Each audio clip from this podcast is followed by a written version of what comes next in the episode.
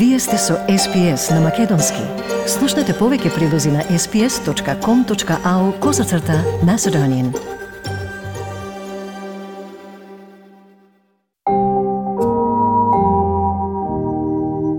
Државните делегации на Македонија и на Бугарија во Рим одделно го чествуваат денот на сесловенските просветители Свети Кирил и Методи. Бугарскиот премиер Кирил Петков тоа го стори вчера, а македонскиот Димитар Ковачевски тоа ќе го стори денеска. На божествената света литургија во Базиликата Сан Клементе, Петков изрази длабока почит кон Свети Кирил, како што рече, кон создавачот на бугарското писмо. Според него 24 мај е голем ден кој, како што рече бугарскиот премиер, треба да е подсетник да се чува бугарската духовност.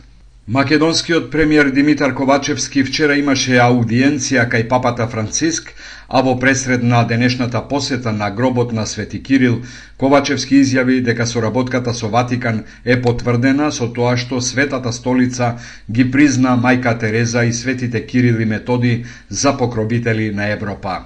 Нашата соработка и признание од страна на Ватикан е потврдено со тоа што ликовите, како што се Светата мајка Тереза, и светите браќа Кирил и Методи, кои се дел од нашето заедничко наследство, Ватикан ги прогласи за покровители на Европа. На моје огромно задоволство со папата Франциск се согласивме дека поддршката на најранливите граѓани во време на оваа најголема криза е суштинско и е дел од нашето делување и од нашите политики кои што како влада ги спроведуваме.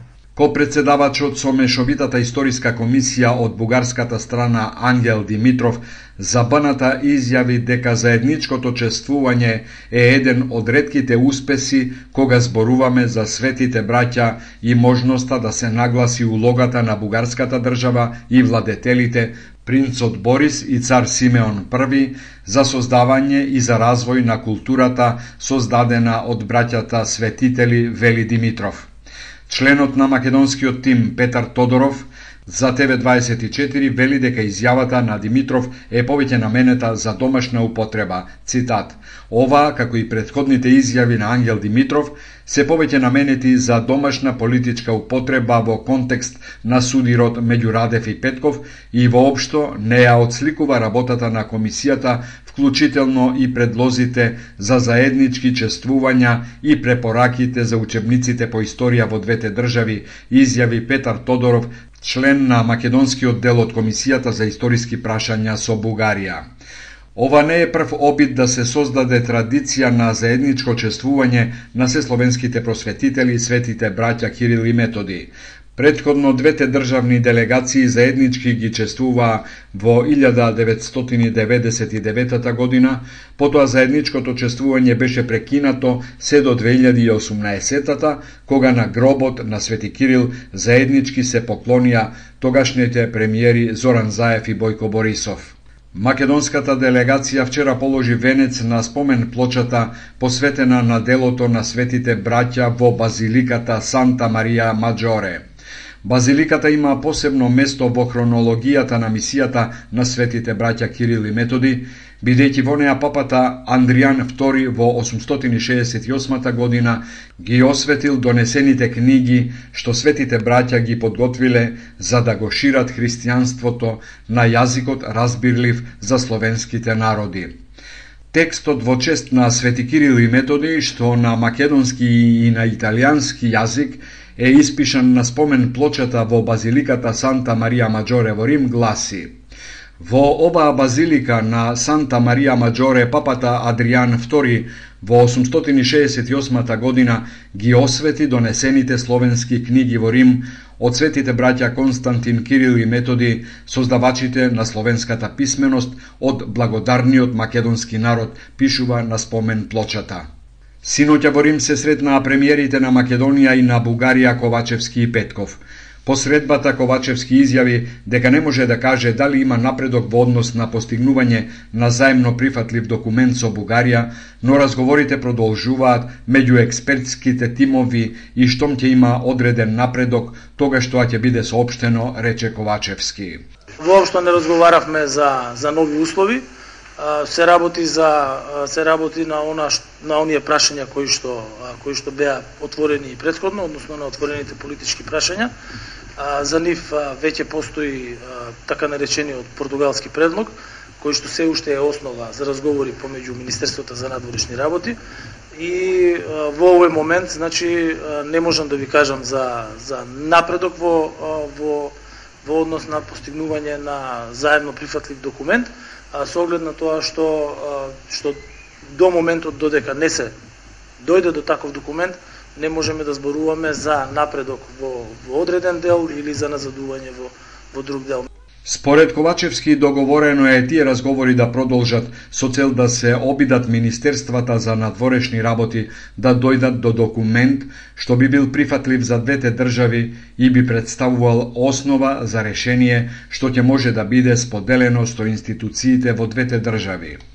Во однос на очекувањата за предстојниот самит на Европската Унија во јуни, Ковачевски рече дека не сака да се врзува за датуми, бидејќи, како што нагласи, нашата држава предолго време беше заложник на датуми од месец во месец и смета дека такво нешто не зависи исклучиво од нас, туку зависи од одлуката на 27-те земји членки на ЕУ. Бугарскиот премиер Кирил Петков по средбата рече дека е најважно за владите на Бугарија и на Македонија да продолжат со конструктивниот диалог и да не подлегнуваат на провокации од некои групи кои се обидуваат да ги зголемат тензиите. Петко во изјавата за бугарските медиуми повтори дека е потребно да се свика бугарскиот консултативен совет за национална безбедност на кој би се разговарало за се што го направиле владите на двете земји досега. Бугарскиот председател Румен Радев не прецизира дали ќе го свика консултативниот совет за национална безбедност за да се разговара за состојбата меѓу Бугарија и Македонија, како што побара премиерот Петков. Тој вели дека мора првин да го слушне Петков на темата со Македонија, но сепак останува категоричен дека нема да дозволи, како што рече, преговарање и пазарење за македонската интеграција. Петков во Рим рече дека би бил среќен ако Радев одговори позитивно на неговиот повик, бидејќи во изминатите шест месеци имало различни предлози и обиди на повеќе светски лидери да помогнат во надминување на проблемите.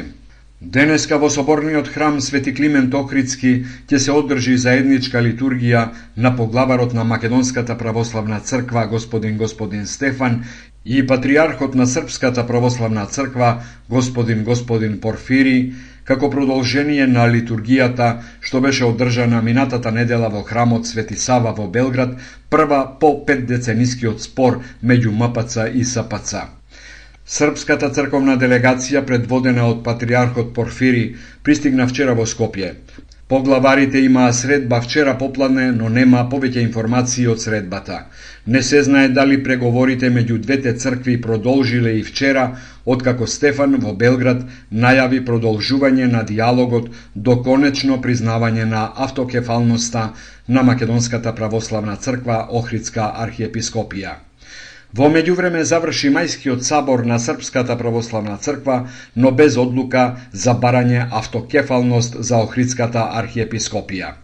Литургијата за помирување од четвртокот и денешната ги поздрави и Вселенскиот патриарх Вартоломеј, кој вели дека Вселенската патриаршија помогнала да се врати мирот и стабилноста на Балканот.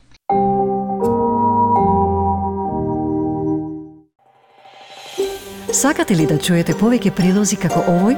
Слушате подкаст преку Apple Podcasts, Google Podcasts, Spotify или од каде и да ги добивате вашите подкасти.